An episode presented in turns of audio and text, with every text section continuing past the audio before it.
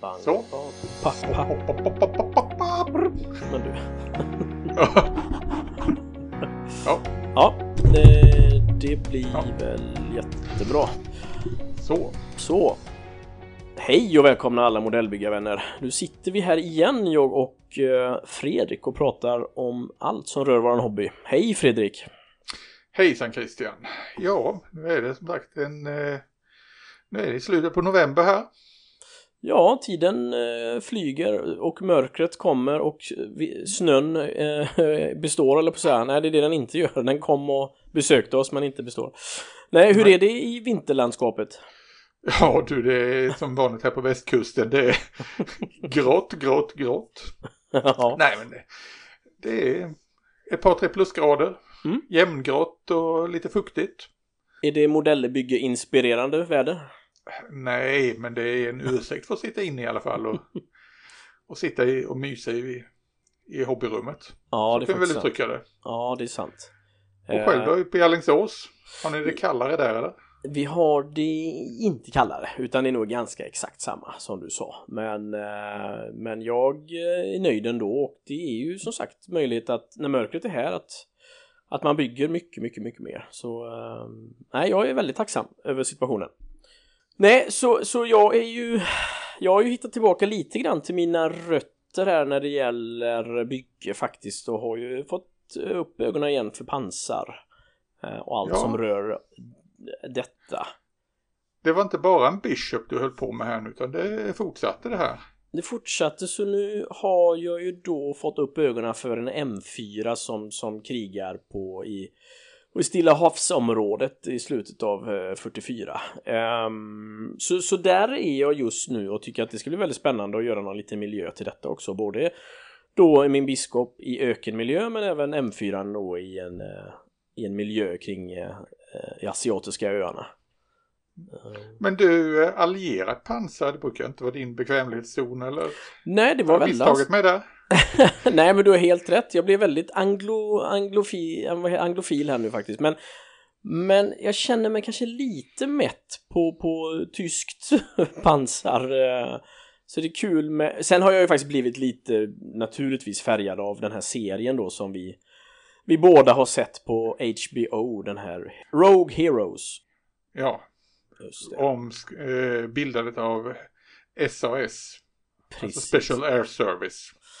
SAS och när de eh, först då blir eh, framskjutsade av eh, taxigänget LRDG Long Range Desert Group då. Så, ehm, Mm. så det, där har man ju, man, det- man kan ju bli inspirerad av filmer och, och serier, det blir man ju. Ja, eh, jag såg faktiskt också på HBO igår en, eh, ja det var ganska lågmäld film men det var lite in- intressant på sitt sätt. Mm. Som hette eh, Lancaster Skies. ah, Det var alltså en film som handlade om en eh, kapten i bombflyget. mm, Eller som ett möte mellan lite olika karaktärer där och eh, ja, kan man säga att den här Lancaster som de flög den fungerade väl som fond till det hela men det var en hel del fina scener med eh, startande och landande. Lancaster-maskiner.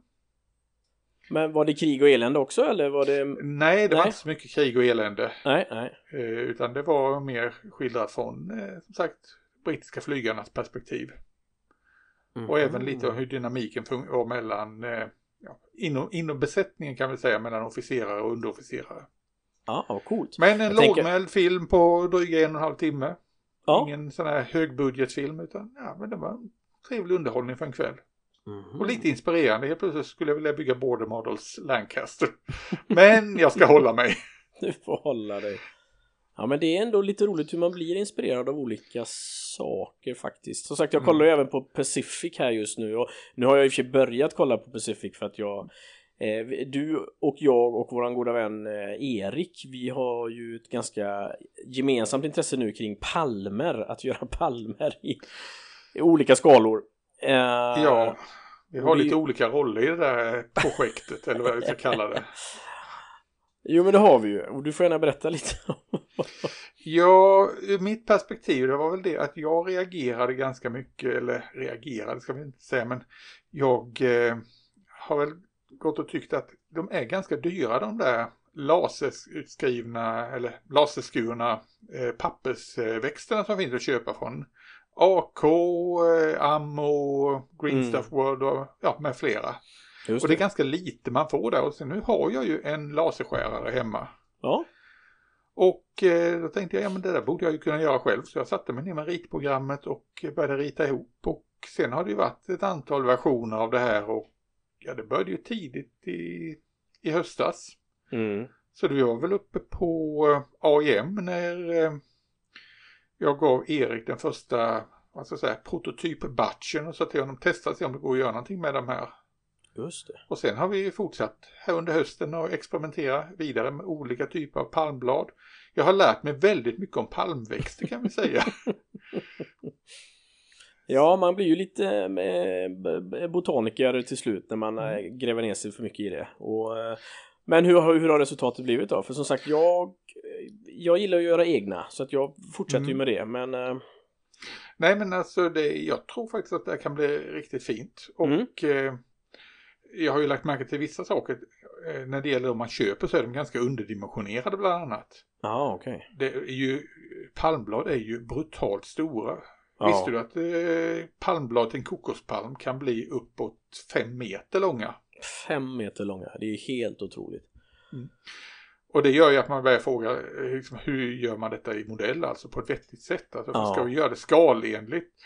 Och även då med tanke på att en kokospalm kan bli uppåt eh, 30 meter hög. Vilket ju är till 35 skulle bli 85 centimeter. Vi har ju pratat om det här med träd innan. Det är Ja. sjukt. Det är sjukt och det, det är ju lite grann det här med, med realism kontra Mm. eh, eh, ser det snyggt ut på plattan och dioramat. För det är klart att Ja. ha en närmare meter lång träpinne och längst upp så är det lite grönsaker. Det är klart att det blir, det är ju så det ser ut på riktigt men Och under den står två marinsoldater. som ser pyttesmå ut liksom. Ja, nej det blir... ehm, Nej men jag tror lite på det här att okej vi kan korta höjden en hel del. Det är ju inga problem för Mm. palmen kommer i olika storlekar och man kan minska eh, kronan lite grann när det gäller bladlängden. Men inte Ja. för mycket. Jag tror vi ska liksom utnyttja den här eh, kronan för att skapa volym i dioramat. Mm. Det är min lilla teori här. Men vi får se, experimenten fortsätter och eh, det verkar gå alldeles utmärkt att göra ja, snygga palmblad själv i papper om man har en laserskärare. Ja, ja, men väldigt Så vi spännande. får se. Ja, en, en vacker dag kanske jag tar upp konkurrensen med AK när det gäller pappersväxter. Precis. Nej men det är lite som du säger också som jag tycker fascinerar överallt oftast när man köper det att ehm, det är oftast väldigt, väldigt få exemplar du får med. Så att eh, när det är murgröna eller om det är blommor eller någonting så är det ett fåtal och ska du då göra som vi tittar nu på palmerna så är det ju någonstans mellan 20 till 40 kronblad liksom som ska ändå... Ja, vi räknade väl upp till 60 till och med. I, Ja, var det så? Ja. ja. Och, och du får med åtta stycken i ett AK-set liksom. Det blir ju ganska många. Det, ser, det ser lite ynkligt ut. Ja, ja, det gör det. Men det, man kan, ja, alla är väl... eh, Och sen som eh, Erik noterade att det är ju inte bara de gröna bladen utan det ska vara en del vissna blad också i Mm. under till. Precis. Och Exakt. det är ju lite, de ser ju lite annorlunda ut och så vidare. Så det, ja, Ja. det är lite att jobba på. Det är lite att jobba på, det är lite att jobba på. Men det är ju kul då när man bygger pansardioramor för då får man ju som sagt eh, ha med lite av allt möjligt. Så jag tänkte nu har jag ju även sand som jag ska ha med då i mitt eh, Stilla havsdiorama. Eh, och då får man ju också tänka lite grann där hur man vill att den ska framstå. Ska det vara nära, ska det vara nära havet eller ska det vara då en, en eh, vulkanö där det är mest svart elände liksom eller Mm. Är det korallsand eller precis vulkansand? Ja. vulkansand, ja men exakt. Ja, Korallsand, den kan väl vara allting ifrån i princip rosa till eh, kritvit. ja men så kan det nog vara va? Ja men exakt. Ja. Att det är, och ganska grovkornigt på vissa ställen och ja.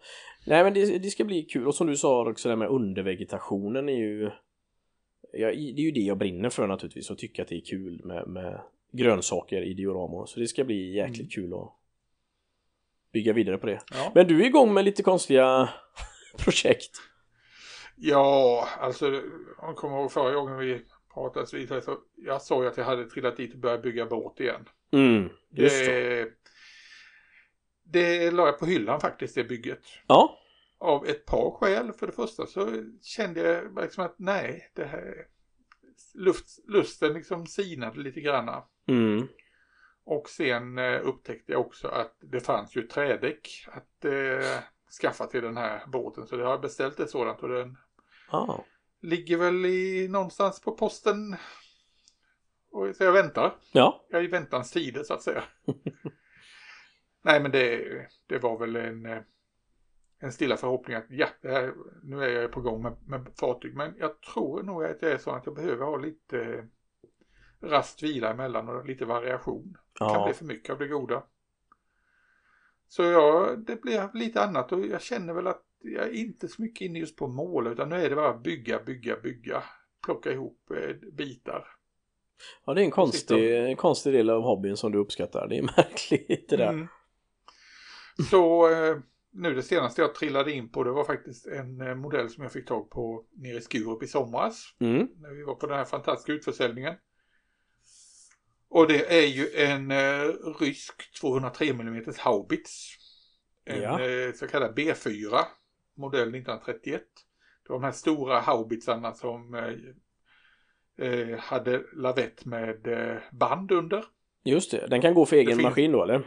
Nej, det kan den inte. Det är kan den inte. Motor. Nej. den får, det får vara en dragare, det får vara en sån här, eh, vad heter de, eh, bandtraktorerna, eh, Komintern bland annat Ja, hade man som, Just det. som drog det. Hopp, hopp, hopp.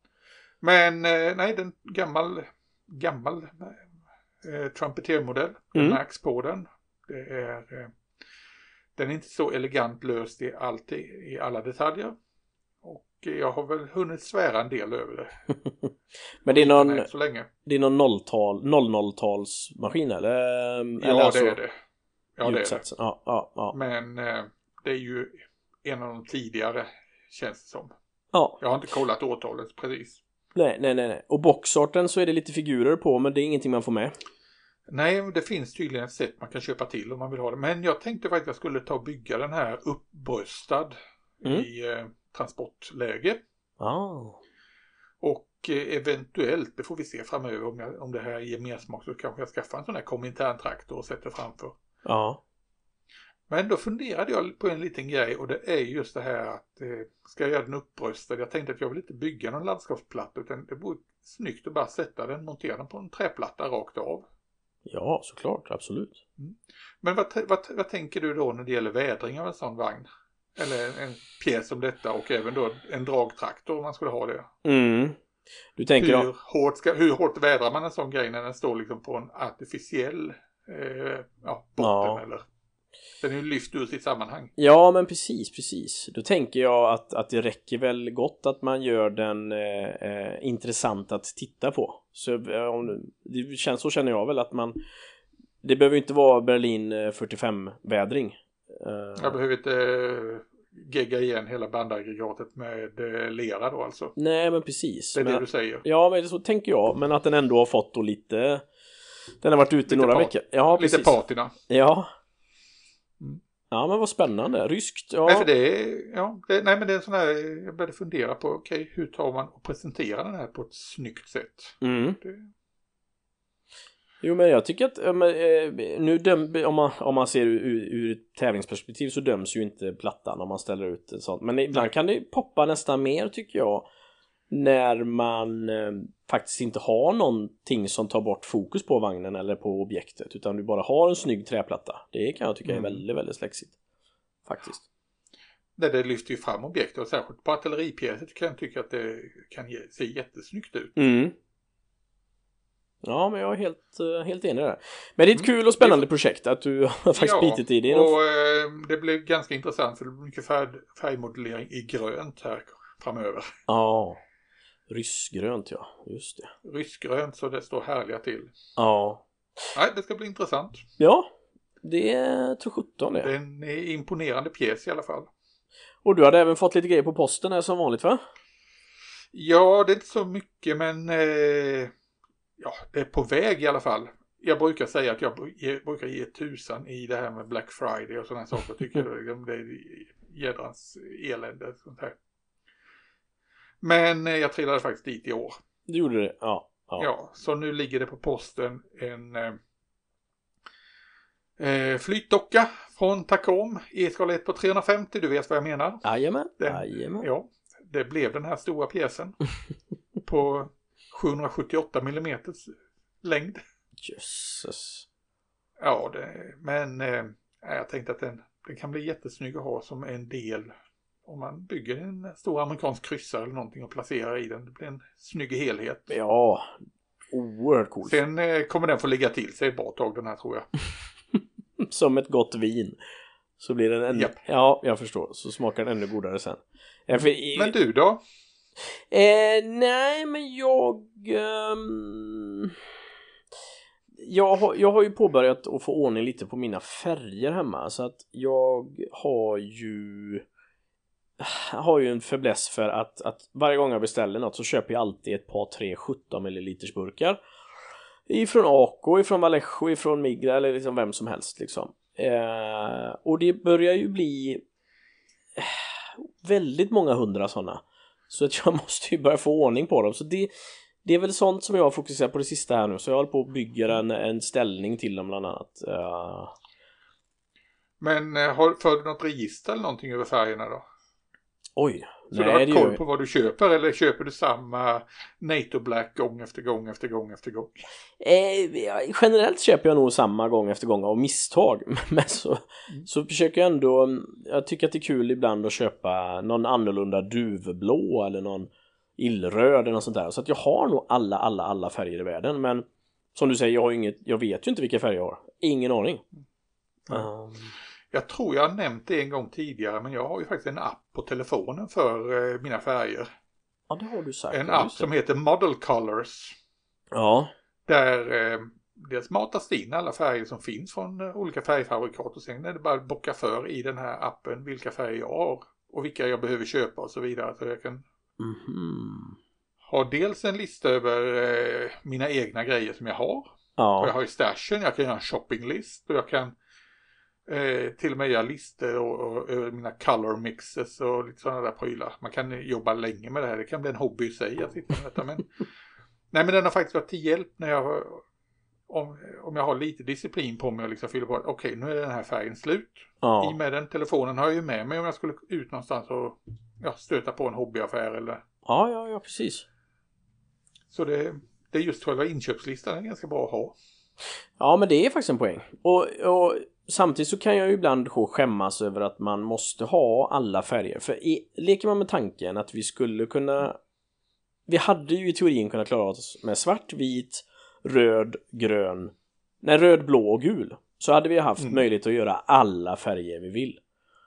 Japp. Eh, jag kanske ska börja sträva efter det. Jag kan tycka att, att göra sin egna Du, ska, grön... du, du menar du ska bara jobba med primärfärger och svart och vitt? Ja, exakt. Och göra min egna grön och så inte att det är NATO-grön eller, grön eller det är rysk eller det är Olive Drab eller någonting sådär utan eh, Ja, ja varför inte? Varför ska, varför ska livet vara enkelt? du har ju ingenting annat för dig än att sitta och blanda färg hela kvällarna. precis. Nej, och det är väl nackdelen då som sagt att få samma färg nästa gång du målar. Det är väl det som är fördelen med att köpa. Det är ju det här med dunkel, Ja, ja, det- dunkelgelb bland men- annat. Det är ju den. Det är. Ja men det finns ju inte två pansarfordon med samma färg. Nej, det, vet gör ju inte det. Och det finns inte två eh, Gripen eller Lansen heller med samma färg. Så att nej, du har helt rätt. Och det... Men ändå är det fascinerande att vi är så upphängda vid den rätta färgen.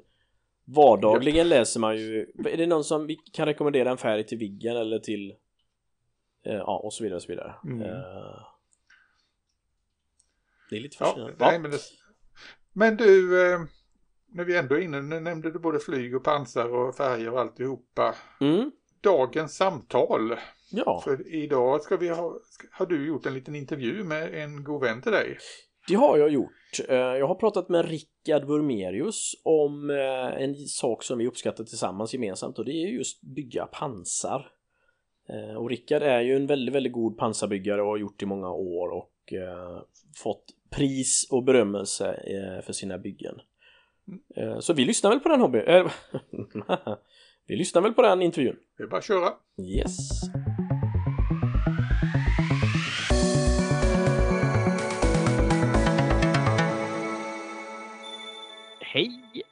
Välkomna. Nu sitter jag eh, äntligen får jag säga faktiskt med en mycket god vän till mig som eh, har inspirerat mig mycket i eh, i alla fall min kärnverksamhet pansarbygge. Så att jag sitter här med Rickard Burmerius. Hej Rickard! Hej Christian! Eller får jag kalla dig för Pyret? Pyret får du jättegärna kalla mig för, absolut. Rickard och jag har ju som sagt känt varandra eh, ett tag och eh, eh, där kallas jag ju då för Christian Pyret Lidborg. Vi har ju även, vi pratade om det förut här, vi har, vi har ju, jag har ju nämnt dig som en god vän tidigare i podden när jag har nämnt en bra pansarbyggare och det är just du Rickard. Vill du berätta lite grann om dig själv? Ja, det kan vi göra. Jag, Rickard Bumerius heter jag som sagt var. Jag har varit med i modellsvängen ett, eh, i rätt några år nu men eh, ja, jag är 44 år i alla fall, bor i en fantastisk litet samhälle i, mitt i Blekinge som heter Bräkne-Hoby. Med mm. fru, två barn, två hästar, en katt. Eh, så jag bor på landet och har en, en, en lugn och trygg tillvaro här ute. Då. Och till vardags så har jag väl det mindre lugnt kan jag säga. Jag jobbar på, i Försvarsmakten på, på F17 Blekinge flygflottilj. Just det.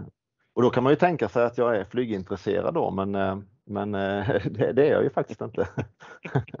Även om eh, min, min bakgrund som modellbyggare kommer ju från, från flyget och det är ju därför jag är på F17 också. Så det är egentligen ingen, ingen slump att jag är att jag är på F17 utan det, har, det, har, det är flygintresset och delvis även modellbygget som, som förde mig dit. Då.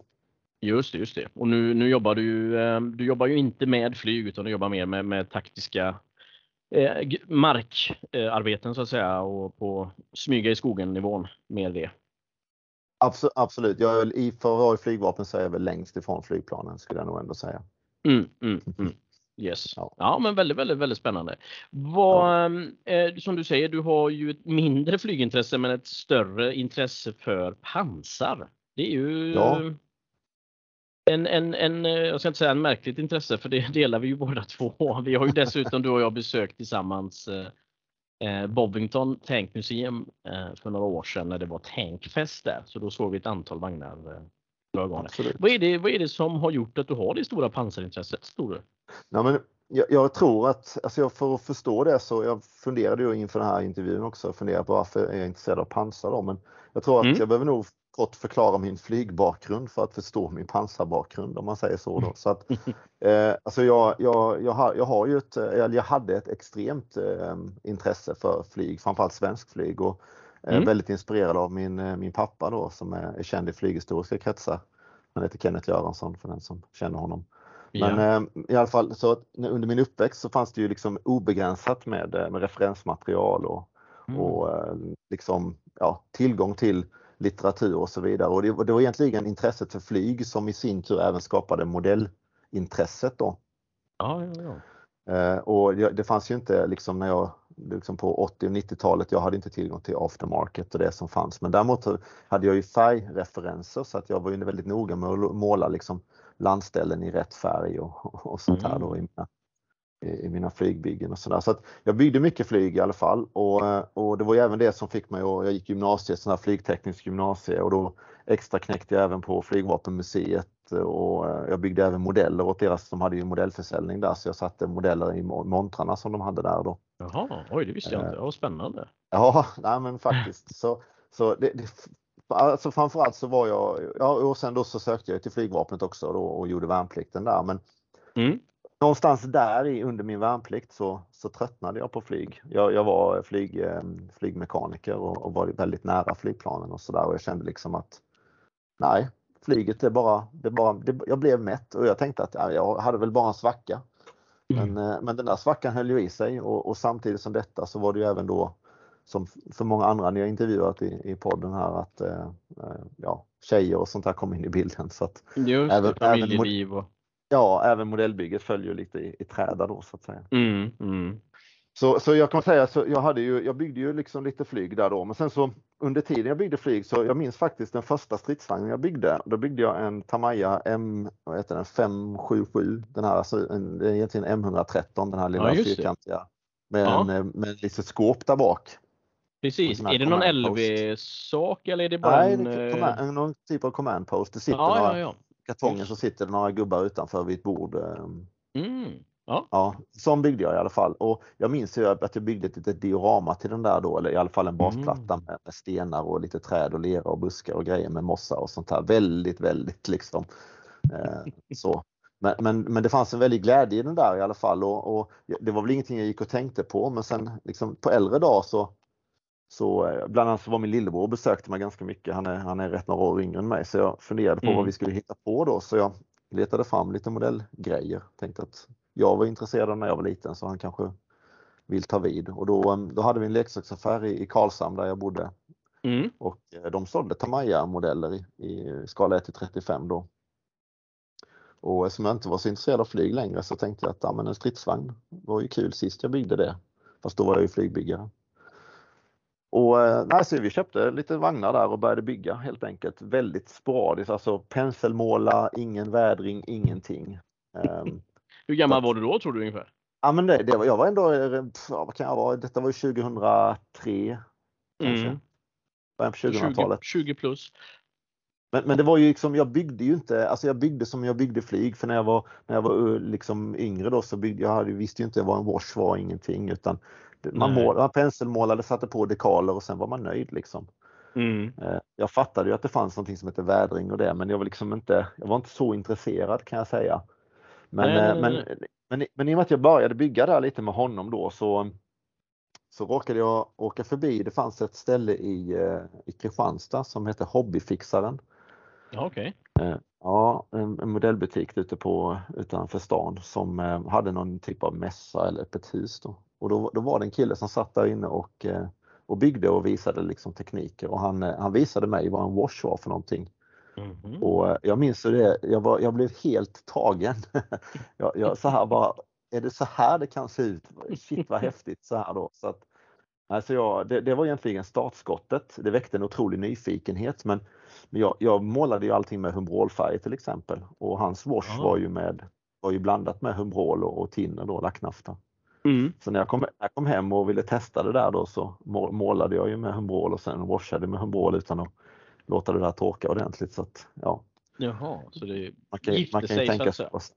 Ja, det gjorde det. Så det blev bara en enda gegga av alltihop.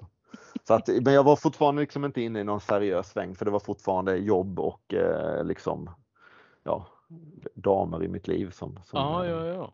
Det kan ju vara värt att nämna alltså. här att, att du har ju då eh, i modern tid nu då eh, vunnit väldigt många guld eh, och, och fått många utmärkelser för dina alster när det gäller pansar och där du oftast har med någon figur lite grann också sådär. Så att du har ju, din utveckling har ju varit eh, riktigt, riktigt bra. Det kan man ju inte säga något annat. Ja, men eh, tack, tack för det. det var, och jag, ska komma till sak här då. Det var ju liksom att, att eh, jag var på, em, jag åkte på utlandstjänst eh, till, till Kosovo, samma ställe där som du har varit på. Då. Och eh, när jag kom hem därifrån, det var då är alltså inne i 2007 då, då, då hade jag Mm. 13 veckors semester. Och detta var ju på en tid när ingen annan var ledig. Så jag hade ju, ja, jag hade inte så mycket att göra helt enkelt. Min, min dåvarande sambo, min nuvarande fru, hon jobbade och sådär. Så att då började jag nörda ner mig i eh, modellbygget. Att Det, det var då, då fanns det liksom till, ja, jag köpte mig en airbrush eh, på- Biltema och jag började liksom, ja, jag Mm. började testa helt enkelt. Så att jag brukar egentligen säga att jag, jag började bygga modeller på riktigt så att säga 2007. Det var mitt, Ja, okej. eh, det var mitt riktiga startskott. Och då var det primärt pansar fortfarande då så att säga som var Ja, det var bara, det var bara pansar. Det var bara pansar. Det fanns liksom inget, eh, inget annat. Det var det. Nej. Var det. Och, och, och det, för då hade jag ju förstått att vädring, eh, alltså det var ju någonting som var, som var väldigt häftigt och någonting som jag inte hade gjort under min, min tid som flygbyggare. Men det är inte sagt att man inte vädrar som flygbyggare, men, men på, på min tid så gjorde man inte det i någon större utsträckning utan leran och, och det här liksom shippingen och alltihopa, det, det kom ju in här nu i pansar och det var ju någonting som verkligen triggade mig så att säga till att, att Ja, utvecklas. ja, ja. Det är lite spännande. Nu, nu ska inte jag hänga ut dig här, men du är kanske en av de få jag känner som, som bygger, som har ett, ett, ett mindre historiskt intresse och ett mer intresse för objektet som du bygger i färg och, och vädringsmässigt. Så att säga. Eh, Eller känns, det helt fel? Nej, det känns verkligen igen och det, det är väl lite så att alltså jag, jag blir ju inspirerad. Jag har ju lyssnat på hur, hur många av, av både du själv och hur ni andra tänker till och, och liksom får hitta motivation och in, in, inspiration. Men, men jag blir ju inspirerad av eh, en, en väl, en väl, eh, alltså en väl eh, gjord modell, alltså vad heter det? Ett fint kit, alltså en, en modell som ja. har fint liksom komponerad där, där, delarna passar bra och, och den blir väldigt krispig bara out of the box. Liksom. Det, det kan vara väldigt inspirerande för mig då. Ja. Eh, och, och, och, det gärna till att man hittar en skön bild på en, antingen på en riktig vagn då, alltså någon som man ser hur, hur den var i sin rätta miljö, eller på någon annans modell som har gjort någonting jäkligt snyggt av, av den då. Mm, eh, mm. Och gärna de här två i kombination.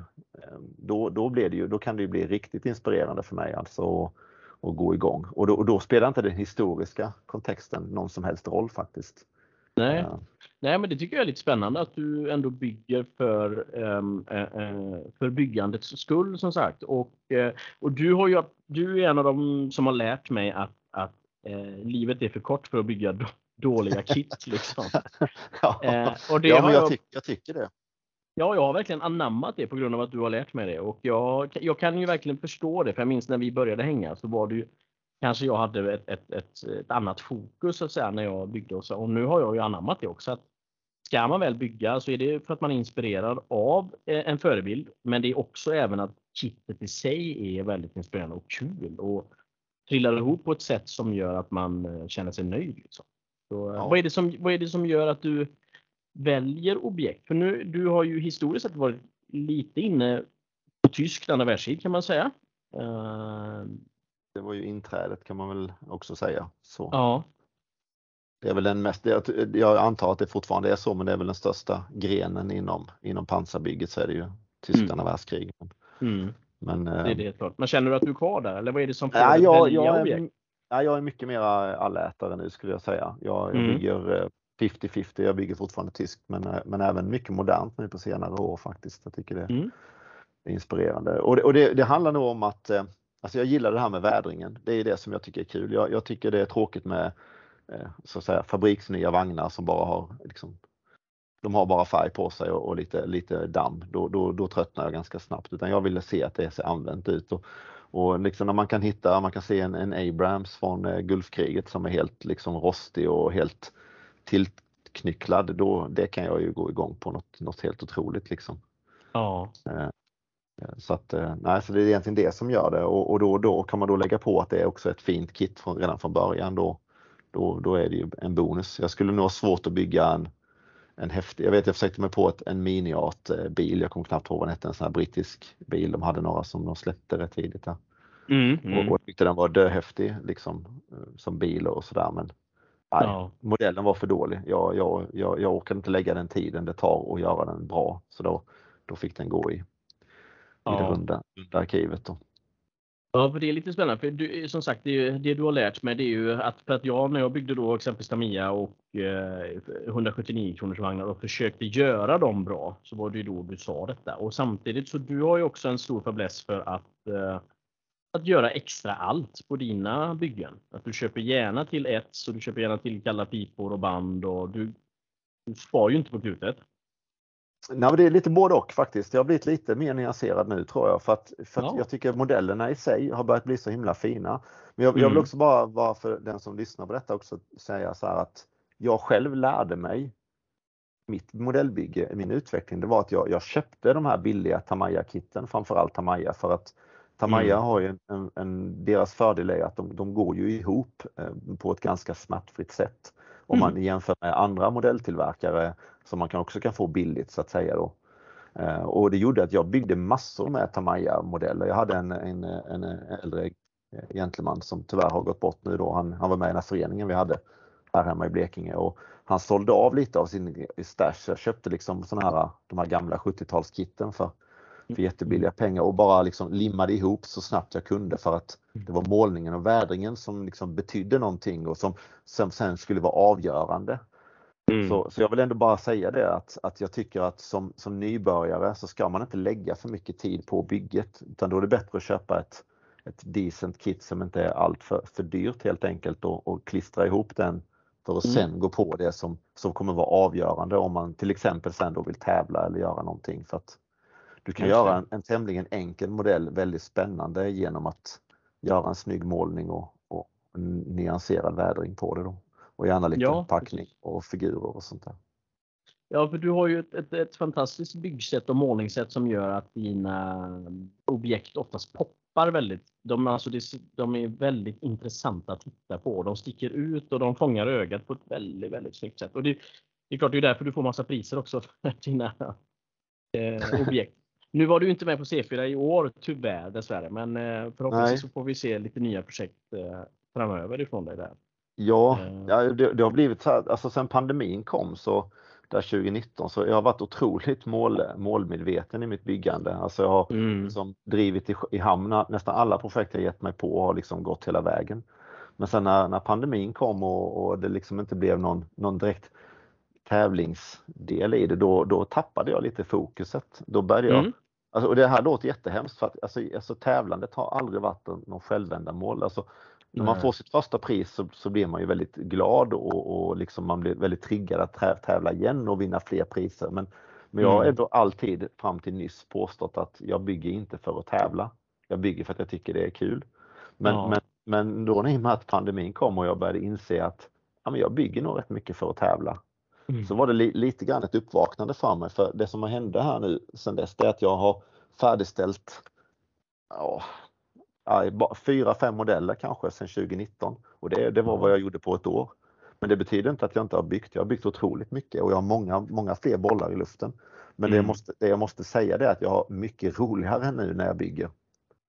All right. Eh, Ja, så att När jag, det inte jag, är krav på dig på det sättet menar du? Eller att du Ja, har- exakt. Ja. Eller krav att jag ska bli färdig, att jag vill hinna producera för att hinna färdig. Alltså det var ju sista helgen i oktober, det var ju C4 liksom. Då, då ska du hinna vara klar och det var ju i, i vissa fall så höll ju färgen på att torka, det vet ju du, du själv hur det är liksom. Mm, mm, mm. När man är på väg ner och, och det, det, det är en otrolig, det tycker jag känns skönt att inte ha. Så att de jag Ja. har färdigställt nu har jag, har jag gjort med en mycket lugnare magkänsla och utan att det här kravet att nu måste jag vara klar till tävlingen liksom. Mm, det låter som ett, eh, en bra insikt tänker jag faktiskt. För att, eh, men jag tänker också hur, hur, hur behåller du fokus då hela vägen? För så att du har fler, normalt sett som jag känner det som byggare så brukar du ju ha ett objekt och så börjar du på det. Eh, och Ett så går eller, du ett från eller A, två. ett eller två och så kör du klart det liksom innan du påbörjar nästa i princip. Då. Men hur behåller du det fokuset? Ja, men det, jag, ja precis. Jag, jag har funderat lite på det där, vad det är som gör det. Men eh, jag tror att om jag har sammanhängande byggtid, det är faktiskt en, en framgångsfaktor. Jag, har- jag har märkt att jag, jag tappar lätt fokus om jag har för långa uppehåll. Och, och i Mm. mitt jobb är jag iväg ibland i perioder som gör att jag har, jag har eh, svårt att ha en sammanhängande tid. Men, så det kan vara en faktor, det vill säga att jag, har, jag kan sitta och bygga ganska eh, liksom, konsekvent sådär. Då Ja. håller jag upp tempot. Eh, Det andra är att om jag har mycket tid investerat i, i ett objekt och, och då kan man då säga det så här att om jag bara bygger out of the box, vilket händer, men Mm. då, då är det mycket lättare att tröttna. För då, då är det precis som att den, då är inte modellen lika mycket värd. Eh, och det menar inte jag pengamässigt utan i investerad tid och känslor liksom. Mm. Research och annat då. Ja, just det. Så att, så att ett sätt att hålla uppe eh, motivationen det är just att, eh, att lägga lite extra fokus på, på detalj, detaljerna liksom och, eh, Ja. och så vidare. Då. Och sen så är det just att, att inte stöta på några friktioner. Alltså jag vet, jag kan ju bli galen om jag har limmat ett baklykta fel på en, en vagn som gör att jag måste liksom såga i den för att få bort den här lyktan eller vad det nu kan vara. Det var bara ett exempel, men det, det, Ja. det kan räcka för att jag lägger den åt sidan och sen får den ligga och jäsa. men eh, du- men nej, har det, du- det, det, är väl sista, det är väl sista utvägen liksom så. Men, Ja, men ja. generellt så det ska, gå, det ska gå ganska smärtfritt för mig. Jag kan, jag kan göra om saker men det får inte vara för stora grejer för då, då lägger jag hellre åt sidan och ger mig på nästa sak istället. Mm, mm. Nej, men jag vet att du, du drivs ju av att vi har haft många diskussioner, både du och jag och ytterligare en kamrat till oss, att eh, hur, hur såg den här detaljen ut på den vagnen under den perioden och så vidare. Det, det är ju väldigt viktigt för dig att du bygger och att du, du är ju inte rädd för att scratcha delar eller lägga till både plastikad, metall eller annat. Så, så, här. så jag förstår att byggdelen, även om du säger att du vill få ihop det så snabbt som möjligt, så är det även en viktig del för dig. Att, att det ska vara rätt. Mm, absolut, nej jag vill verkligen att det ska vara rätt. Jag, jag, jag, har, jag har kommit på mig själv när jag säger att jag bygger out of the box men sen tänker jag efter, nej men det har jag faktiskt inte gjort. Jag har bytt ut handtag, jag har bytt ut eh, ja, men, alltså, saker som man kan byta ut ganska enkelt. Verktygsspännen till exempel på en tysk stridsvagn. Det, Just det. det, det, det, kan man inte bygga out of the box, det går bara inte. Fast det, är ju bara i mitt huvud för det finns ju de som gör det där jättebra. Men... Ja, men jag förstår vad du menar och det är ju, ehm, det är ju en, en, ett mindset naturligtvis och samtidigt som du säger så. Men sen kan det vara så också att kitten idag är ju inte som de vi köpte på 80 och 90-talet. Eh, nu får man ju med väldigt, väldigt mycket. Man får som regel med någon form av PE och, och uh, verktygen för att gjuta modeller är ju fantastiskt bra idag. Så att, men som du säger, det finns en lägsta nivå man alltid vill liksom på något sätt förbättra eller lägga till eller göra någonting.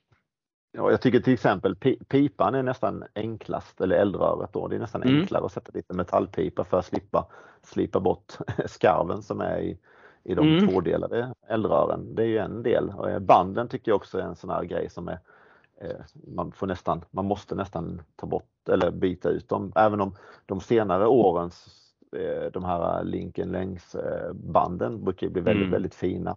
Men det är ändå lite den här gjutskägget som sitter längs med över alla bultarna. Sånt där, sånt där. Det stör mitt öga lite grann i alla fall. Ja. Men, eh, men, men om någon annan hade byggt med det, då är det ingenting jag tänker på. Utan det är bara när jag själv bygger med det. Mm. Nej, men det är en eh, poäng. Det är en poäng faktiskt. Och du har ju också öppnat upp ögonen för, för mig just när det gäller frulleband och sånt. Och som du säger att det, det ligger ju mycket i en själv, tänker jag. Att, att eh, men klart man kan ha gummiband från Tamiya liksom på om man är någon bygger och är nöjd med det. Eh, men vill man ha det lilla, lilla, lilla extra, då får man investera i det. Så är det ju. Ja, Ja, men så är det absolut. Och jag, men jag, jag tycker som, som du sa, här kitten är ju fantastiskt fina idag. Det är ju, går inte att, alltså, man, man blir ju glad när man öppnar nya kit för de är så, ja, det, det är ja. verkligen en, det är en fröjd att se. Så ibland så tycker jag det är onödigt att byta ut delar man, bara för att. Mm. Det, mm. det, ska verkligen vara att man vill byta ut det för att det blir en, en klar förbättring. Ja, um, precis. Sen gillar, jag, gillar, jag gillar ju att byta ut el också för att det, det, jag brukar kalla det för krispigheten ökar för att mm. ja, det, det, blir lite fotoetsen gör att det blir lite mera, det känns lite mer realistiskt på något sätt. Ja, det håller jag med om. Sen är det ju alltid den här känslan när man det finns ju inget sexigare bygge än att se när allting är bytt till PE så mycket man kan. Det är kall pipa och, och det är frulleband och sen så ska man lägga på färg på den här ja. jävla skit så allt fina försvinner. Så att eh, ja, det är ja. lite styggt tycker jag. jag ser, man ser ju vissa på nätet som bygger så bra så att man känner att alltså måla inte den här för du kommer bara sabba den. Och sen så ja, veckan, veckan efter så har de målat den och då är det liksom, ja. Ja, vad var det jag sa? ja, det är en poäng. Det är faktiskt en poäng. Ja, ja. Har du något favoritkit nu för tiden? Nu när, det finns ju som sagt, jag brukar säga att det är en guldera för oss modellbyggare. Det kommer ju oerhört mycket kit eh, och även nya stjärnor ja. på marknaden också. Jag, jag har nog kommit på mig själv att jag, börjat, jag är inne i en Tamaya-period just nu där jag gillar Tamayas eh, kit. Mm. De, de gillar man ju alltid men, eh, men jag har många av de här senaste som har släppts, både Meng och Tacoms alla möjliga, både moderna och, och, och andra världskriget vagnar. Men, ja. men så öppnar man en Tamaya så, så jag, jag, det går inte riktigt att sätta, sätta namn på eller, eller ord på vad det är men det, det, är, en, det är en viss liksom, ja, det är en viss glädje när man öppnar en sån där då och även om man ja. vet att jag kommer behöva förbättra saker i denna så är det ändå så trevligt att bygga det. Jag, jag byggde en, jag började på en, en, en Rayfield eh, Panzer 4 här nu Mm. För lite sen. Nej fel, en pansartrea var det, en pansartrea. Och den var ju, jag började, ja den är jätte, om man jämför med Tamaya så är den ju mycket, mycket liksom då krispigare redan som den är i lådan liksom. Och ja. jättefina detaljer. Men sen på vissa ställen så har de slarvat i, i tillverkningen mm. skulle jag säga. Det sitter någon okay. box på, på ena sidan som där det står där är en gjutskarv som det går liksom inte att ta bort den på ett bra sätt utan du behöver byta ut hela boxen om det ska bli bra liksom och då, mm. då blir det bara så här men varför? Det, det, mm. det är liksom inte konsekvent. Det, det, de, de kan dela upp en, en, en, liksom en upphängning till hjulen i, i, flera små beståndsdelar och det blir liksom jättebra men sen så kan man öppna en Tamaya och sen har du samma resultat fast med en del. Med en enda del ja. Men ja. det känns ändå som en klassiker. Jag minns ju förr när man tyckte att Dragon och Mini Art i princip bara gjorde det. De tog en, en Tamiya-del och så delar man den i 4-5 och så skulle Kitto per definition blir mycket, mycket bättre. Och inte alltid är det ju så. Sen är Nej. det ju eh, det här med byggläge också. Det finns ju väldigt många som jag tänker när man, när man som du säger, man öppnar Tamiya-kit så känns det som att man har kommit hem. Man känner sig trygg, det känns varmt och välkomnande. Och ja. Man vet att det här är ett, ett, ett härligt och kul bygge och så vill man då lägga till det lilla extra. Men så finns det ju de som faktiskt älskar att bara bygga, som inte vill måla och dona. Och det känner jag ju några som Ja, Ja, det enda de vill är att måla och bygga och dona eller liksom bara bygga, bygga, bygga, bygga. Så då kanske det passar med sådana kit med. Ja, så kan det vara. Men sen, men sen så jag som Attacom då som också gör jättefina kit. Jag, jag gillar dem verkligen. Men om du Mm. har rit, ritningen där till exempel. Det är ofta jag kommer på mig själv att jag måste googla på hur, hur- sitter den här biten eller hur sitter den här Jaha. delen? För att det, det framgår liksom inte i beskrivningen. Den visar bara en pil ner att sätt den där. Men Mm. ja, det är liksom ingen självklar del och det, det upplever jag inte i Tamaya. Det är väldigt sällan man får kolla referensbilder för att se hur något ska sitta. Ja, nej men det är faktiskt en poäng. Ja. De är väldigt, väldigt exempel. tydliga med det. Ofta som sagt så är det en låda så finns det en stor och en liten pin. Man kan bara sätta den på ett sätt eller liksom och så vidare. Och så vidare. Ja, lite så. Ja, Och det är på, på gott och ont, för ska man superdetaljera en Tamaya så får man ju ofta eh, så fylla igen massa hål och sånt där för de ofta, hålen är ofta lite större än vad mm. verktygsspännet är och sådana här saker. Då. Men, ja, ja men, eh, men, men i alla fall så jag, jag tycker ju att eh, det, vi lever ju verkligen, du brukar ju säga det i podden här, att vi lever i en guldålder och det, det gör vi Mm. verkligen. Och jag tycker inte man behöver lägga allt för mycket pengar på, på efterkonstruktioner men, men visst, jag tror behovet kommer alltid att finnas. Men Ja. Vad Mm. jag tänker, eh, i och med att vi pratar, du, du, du kommer ju alltid tillbaka till det här med att måla och att det är det liksom, måla vädra som är din grej och sådär. Och jag vet att både du och jag, vi har haft många diskussioner om den perfekta dunkelgelb eh, eh, och så vidare, RAL 7028. Och, Ja. ehm, och när det gäller färg, vad, för där har du också växlat lite från att ha lite olika favoritmärken. Och, Ja, jag tycker det är kul att pro- prova färger. Alltså det är egentligen det. Jag, jag, jag kan tycka så här, det här var nog den perfekta dunkelgelben, men ändå använder jag inte det nästa gång. För då måste jag Nej. testa någon annan dunkelgelb. Och eh, både du och jag är överens om eh, Ammo av MIG, vad är det den heter, 011 eller vad är det den heter? 011, ja den, Ja, ja, den är fin. den är den. fin. Ja, den Men, fin. men, men eh, generellt så tycker jag inte om att måla med Ammos färger speciellt mycket. Jag målar Nej. mycket hellre med Tamaya eller med, med Gunse eller sånt här då. Så att, ja. Nej, jag, jag, har, jag har tyvärr inget, eh, jag har ingen favorit. Jag, Nej, min, favor, min favorit är att prova nytt. Jag, jag har snöat in lite på ehm, AK Real Colors just nu. Mm.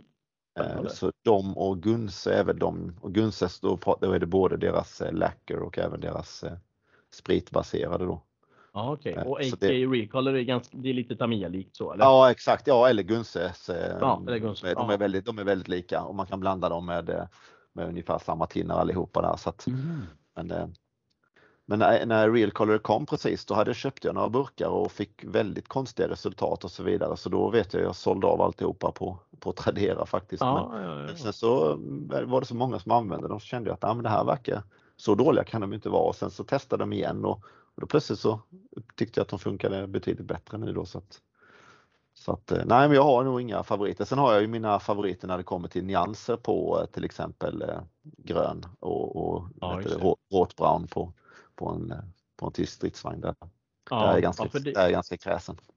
ja, men det kan jag tänka mig att du är. Och nu har du även vet att du har ett grått projekt också. Det är också en sån här sak. Vad är den perfekta tyskgråa och så vidare. Ja, Men en annan sak jag tänker Ja, det är hemskt. Men en annan sak jag tänker på som du eh, eh, har utvecklat och blivit fantastiskt duktig på, det är ju framförallt efterbearbetning med oljor.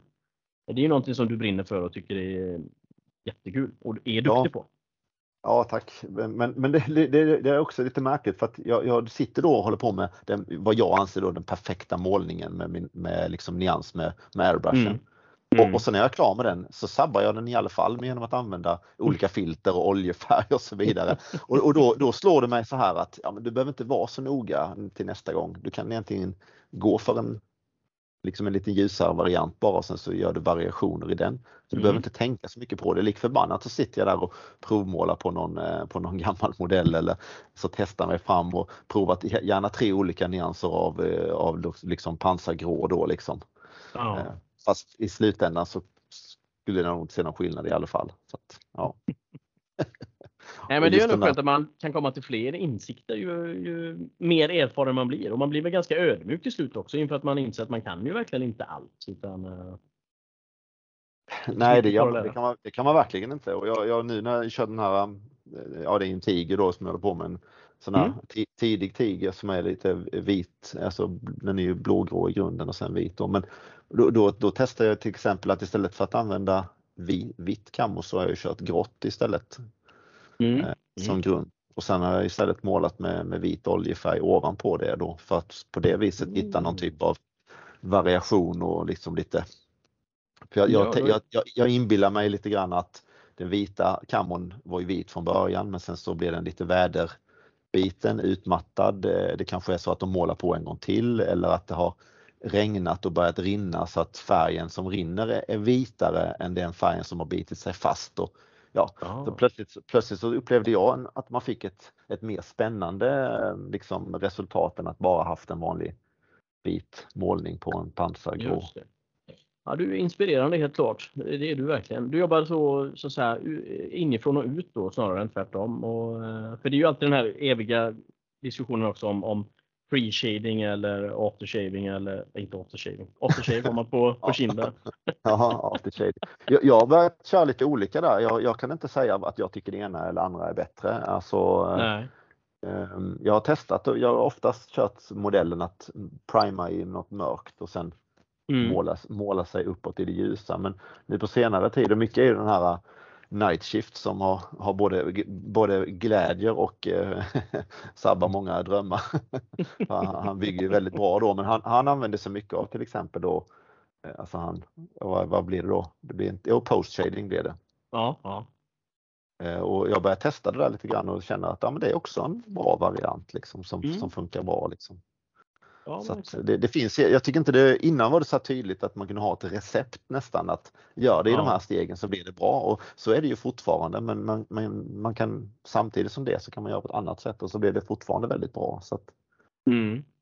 Och oljefärgerna är ju, är ju fantastiska i redskap till att göra målningar mjuka och liksom spännande för ögat att titta på. En, en grön yta som skimrar i tre olika nyanser är ju, är ju jättetilltalande och kan mycket ja. väl sticka ut på ett, på ett bord, ett utställningsbord där det är liksom 50 modeller så, så är det någonting som gör att just den där gröna drar till sig ögat och så tittar man närmare och så ser man att de har använt lite, lite brunt och lite blått mm. kanske och lite annat sånt där. Ja, det är kul att se. Ja, men det är faktiskt kul och det är, det är inspirerande och som sagt dina byggen har ju alltid varit väldigt, väldigt inspirerande just för att de poppar och gör sig fantastiskt bra i bokhyllan eller på, på tävlingsbordet så att de eh, sticker ut och det är väl lite det modellbygge handlar om och det har du också lärt mig det här att, att ibland måste man antingen över eller underdriva vissa effekter för det är ju en, det är ju en, det är en mindre skala och vi måste ju få det att, att se spännande ut för ögat. Så där är du ju verkligen en föregångsman.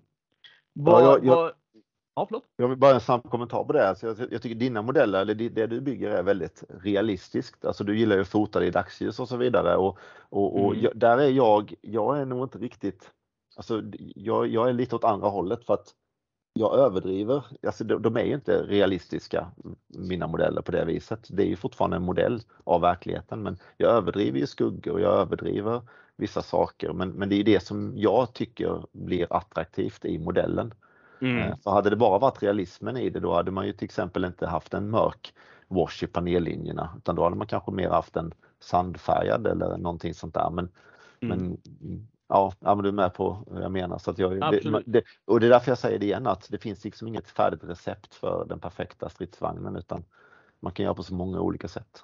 Ja, och nej, men du har helt rätt. Jag har haft den här diskussionen många gånger du och jag. jag har ju, får jag skämmas mot alla stockholmare, men jag har ju kallat det för Stockholmsvädring innan när man i princip har badat den i en svart wash för att, för, att ha, för att få saker att poppa. Och som du säger, det är klart att i, i naturen eller en stridsvagn som är ute så är det ju naturligtvis mer damm som samlas kring en mutter än att det är någonting svart såklart. Men för att få det att poppa och göra det intressant för ögat så förstärker du det snarare då. Och det, och, och som du säger, det, det, finns ju inget färdigt recept och likväl som man bygger ett objekt på ett sätt så nästa objekt kan man göra på ett helt annat sätt. Och det är väl ja. det som är jättekul också. Man vill ju inte ha som tomtens eh, schackbrädefärg på att man gör samma, samma, samma, samma liksom. Nej, men jag tror, nej absolut inte. Och det, jag tror det var därför jag, jag lite tröttnade på flyget. Det var för att jag, jag kom aldrig över vädringsdelen utan jag målade den svenska gröna färgen som var rekommenderad från eh, liksom från de som byggde svenskt flyg att det är den här gröna mm. du ska använda. Så målade jag den i grönt. Det, fann, det ja. hände liksom ingenting med det. Eh, Medan nu så, så är inte det där så viktigt utan för även om man tittar på flyg så är de ju väldigt, alltså ställer du upp tre, tre jasar bredvid varandra så är de ju fortfarande i tre olika gråa och de är, har liksom rinningar på olika ställen och så vidare. Så till och med där så är det ju ja. olika. Man behöver inte vara så, så noga med exaktheten liksom. Nej, nej, men det är absolut en poäng och ibland kan det vara så att man och det har pratat om innan också att skulle man återskapa det man ser ute i en skala 1 1 till den skala man bygger så skulle folk nästan tro att det är orealistiskt. För ibland så ser det så konstigt ut så att man kan inte återskapa det på det sättet. Men, eh, men det är lite spännande. Vad väldigt fint eh, och spännande min vän. Du har ju som sagt inspirerat mig mycket. Eh, vad tänker du för de som är nya inne i den här hobbyn? Vad är det något man ska tänka på där för att tycka att det är roligt, lika roligt om några år?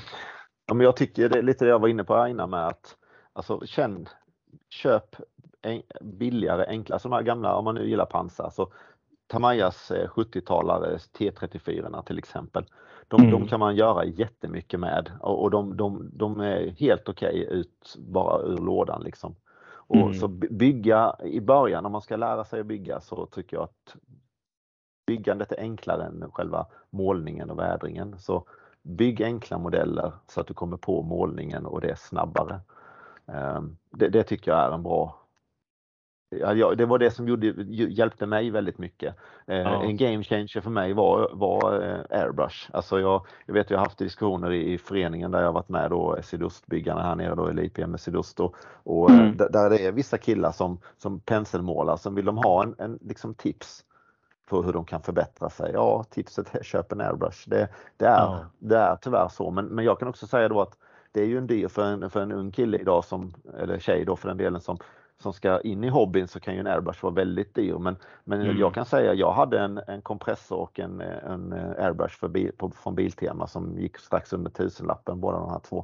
Jag ja. hade det i många år och, och, och vann priser på C4 och även om mm. kompressorn den hoppade runt på hela golvet så, så, var det fort, så gick det fortfarande att använda. Och, så att, nej men Bygg enkla modeller, kom snabbt till målning och vädring, våga testa och när det blir fel, prova. Om man har chippat konstig chipping, ja, men ja. Chippa, lite, chippa lite till. Ofta så kan det bli bättre faktiskt, ja. konstigt nog. Eh, så, så, att man vågar testa, göra många olika och kanske välja fokusområde att ja, men på den här modellen så vill jag testa shippingen ordentligt. Då, då, mm. då går man in och kanske läser lite extra i någon tidning eller på nätet eller kollar på någon på Youtube så testar man just det på den modellen. Och så kanske ja. man kan slarva det lite med det andra så länge. Sen så tar man en ny modell och sådär så man, så man liksom inte vå, så man vågar prova olika grejer. Just det. Nej, men det är sant. Kloka, kloka, kloka tankar faktiskt. Och som du säger också att man, att man ser varje objekt som, som ett en, en försök på en ny teknik eller att man ser det som en utveckling och, och om man nu vill utvecklas på det sättet. Och, ja, nej, precis. Om man vill det ja. ja. Sen vill man, vill man utvecklas med fotoets och så vidare då, ja då får man ju, då är det ju det man måste bygga med. Så. Men då är det ju ja. svårare att ta ut svängarna när man kommer till målningen och vädringen. För det, I alla fall har jag svårare för det. Om jag lagt för mycket tid på detaljeringen då är jag lite mm. fegare mm. när det kommer till att, att vädra till exempel. Ja, ja. Nej, men det är absolut en poäng. Och så får man i alla fall öva på alla svordomar man har. Eh, när ja. man bygger med PS. Så det är ju spännande det är ett ganska bra vokabulär som kan komma, komma fram. Mina barn tycker, de har ju oftast gått och lagt sig när jag sitter och bygger då, men de brukar påpeka ibland att varför svär du pappa? Ja. gå, gå, gå, gå, inte här för det ligger fotvets på golvet. Ja. Usch, ja, just det, just det.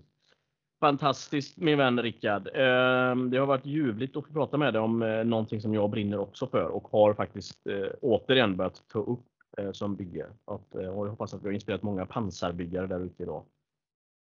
pansar, ja, finns ju... Ja, vad sa du?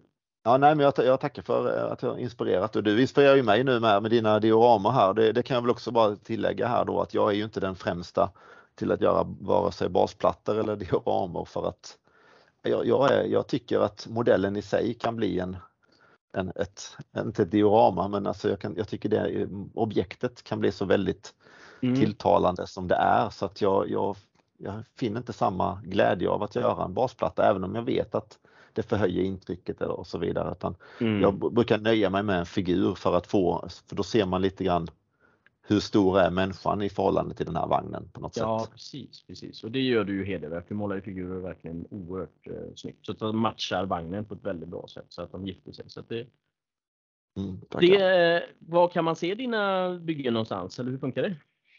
jag, är- jag är dålig på det där. Jag har ju knappt några sociala medier, men jag har, jag har en blogg, men det var länge sedan jag uppdaterade den nu, men där ligger lite grann. Jag vet, jag har med någon jagdpanter som eh, har varit med i någon, eh, någon eh, tidskrift också. Ja, just det. Man kan hitta där och eh, jag kan skicka länken till dig sen så får du kan lägga. Men, annars, annars är det var man hittar dem det är till mina kompisar för jag brukar bomba dem med bilder emellanåt. Du brukar få en del till exempel. Så Jag brukar få en del och med glädje. Eh, Det är alltid faktiskt kul. Ja, jag, Men, jag, känner, eh, jag känner att jag skulle vilja ha så att jag kan visa upp lite mera men jag, vet Mm. inte, jag, är inte, jag är inte så intresserad av det utan jag, jag vet jag har byggt lite åt, åt eh, också en gemensam vän till oss då till Canfora till exempel då men, Mm. men, eh, men jag har försökt bygga till någon tidskrift och så här, men det, nej, jag, jag vet inte riktigt. Nej, nej. Nej, det ska ju kännas eh, inspirerande och rätt i magen att göra dem. Och det är ju alltid smickrande att få sådana uppdrag såklart. Det är ju fantastiskt. Absolut, det är jättekul såklart. Det är det ju, verkligen. det trodde man ju aldrig när man började hålla på med det här igen på äldre dagar. Nej, nej, men det är coolt. Det är bra. Vad tror du att vi får se dig och dina byggen på C4 2023? Ja, det hoppas jag. Om Ja. inte någonting drastiskt händer i omvärlden här så. Nej då, för tusan. Jag, jag strävar alltid efter att komma till C4. C4 Mm, är, mm. är och förblir. Jag, har missat två stycken här och häpna. Och det Mm. jag, jag, åkte på min första C4 2008. Oj. Eh, Eller jag, jag, var med på, på, med min pappa när, när det låg i Kristianstad på den tiden. Men då var jag ju knappt medveten om vad det var jag tittade på. Men, men eh, Nej. 2008 åkte jag på min första. Sen har jag nog inte missat en enda förrän nu då. Fram till eh, 1920 där. Ja. Ja.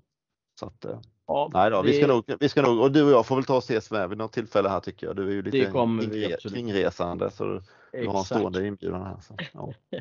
Tusen tack, tusen tack. Ja, jag tackar ödmjukast för att du eh, ville ställa upp på en intervju här Rickard och tack för att du har inspirerat mig och eh, förhoppningsvis lyssnarna här idag också. Så, eh, så hörs vi framöver. Ja, tack för att jag fick vara med. Och Hedersamt att få förtroendet. Mm. Tack, tack såklart, såklart. Vi hörs. Ha det så bra. vi? Tack. Hej, hej. Ja, då eh, har vi lyssnat på Rickard. Vad tycker du Fredrik eh, om hans hobby? Ja, alltså det är en, eh, det är mycket insikts, insiktsfull herre du har som, som god vän där. Mm, Och eh, nej, men det är mycket intressant att säga. Och, eh, jag- vad som jag bland annat fastnade för det är ju det här han, han pratar liksom att eh, liksom, by, mängdbygga för att bli duktig på saker och ting. ja, Liksom, och öva. Inte se objekten som någonting som man, oh det här ska bli liksom min, mitt mästerverk, se varenda grej som blir. Utan det krävs ett antal modeller, det krävs en prövotid. mm, Och det tror jag är någonting som eh, många av oss eh, missar så här nu när vi har sociala medier där vi kan se hur mycket fina modeller som helst. Så tänker man oj, det är det här jag måste prestera. ja, Och det han sa med att han använde att han nu bygger jag den här modellen och nu testar jag den här tekniken på det här. Och inte köra allting på all, allting. Nej, det håller jag med och det tycker jag är verkligen är inspirerande för att eh, det Det är ju, klokt. Det är klokt för att, att det är lite grann nästan som att kolla en kokbok eh, när du ska laga mat och äter du samma mat i samma recept varje gång så smakar det samma. Man utvecklas ju inte så det är klart att då får man börja krydda lite och hitta på lite andra saker och så jag tycker faktiskt det är också jätteinspirerande att testa nytt. Sen kan jag, kan, jag ska inte säga det som talar emot det här med att se varje bygge som ett objekt. Jag tror, det, det vill ju till att man har mycket tid och tålamod för att jag kan känna att jag bygger ju inte så mycket pansar nu för tiden så att jag har tid och kraft och testa lite nya. Jag förstår vad du menar att man vill gärna Ja. eh, Sen kanske det är skillnad när man är nybörjare i det och man, man har hållit på ett Ja men det är, vi. nog, det är nog just det, alltså när man är i den här inlärningsperioden. Mm, Det är som om eh, du och jag skulle sätta oss och bygga bilar nu. mm, Det skulle, det skulle ta några bilar i 1-25 innan vi är, liksom, är uppe och mm. liksom kan säga att ja men nu börjar jag få häng på det här.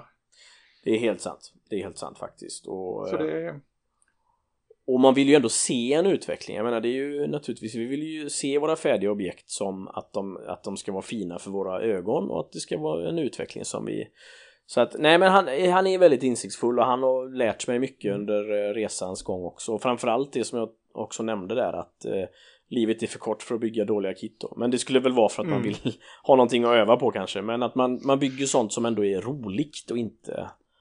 Eh, betungande. Alltså du får, ha, du får ha det som en här broderad bonad på väggen. Faktiskt. Ja. Det, kanske, det kanske är en tanke för Men du, en sak, ja. Ja visst, absolut. Mm. Modellbyggarpodden. Livet är för kort för att bygga dåliga modeller. Ja vi, ja. vi får jobba vidare på den. Ja, det får vi göra. Men du, en sak som jag blev nyfiken på, det var hur träffades du och Rickard då?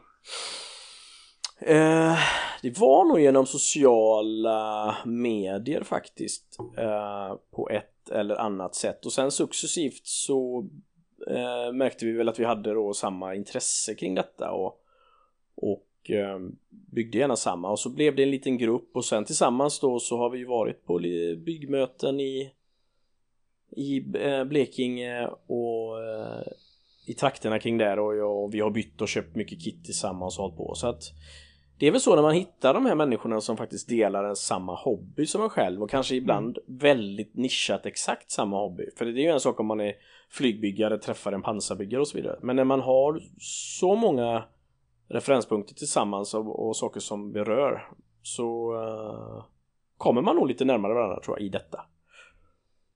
Ehm, ja, och så ja. har ju han haft ett stort tyskt pansarintresse också, det har ju jag med, så att då har vi verkligen uh, funnit varandra där. Mm. Ja, jag hoppas jag snart ska få se hans modeller. Mm. I, ja, jag har förmodligen sett dem innan men... Uh, det har du säkert. Nej, det, det, har jag nog gjort, ja. men uh, jag vill se dem. Ja, precis. Han är ju med i en tidskrift från Canfora som heter On Display så är ju hans jagdpanter med på första sidan bland annat i den boken och mm. även då i uppslaget också.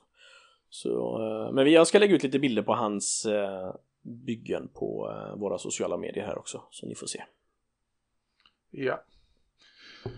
Men du, har vi mer att tillägga för idag? Eller ska vi jag har inte tid i alla fall, jag måste gå och bygga M4 eh, okay. Jag ska klä M4 med trä på sidorna som man gjorde på Stilla havet för att eh, antitank, eller vad säger jag, antimagnetminorna inte skulle fastna på sidan av pansaret eh, mm.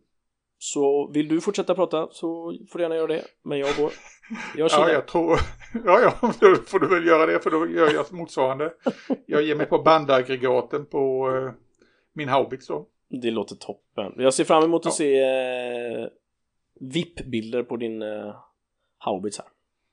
Mm, det kommer så småningom. Fint. Men du, eh, då får du ha det så gött. Och till alla er som lyssnar, tack ska ni ha för att ni lyssnar på podden. Tack för idag Fredrik. Tack alla som lyssnar. Hej hej!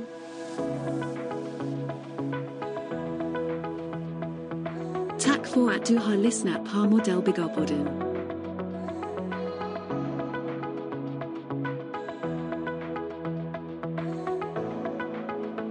mod mod mod mod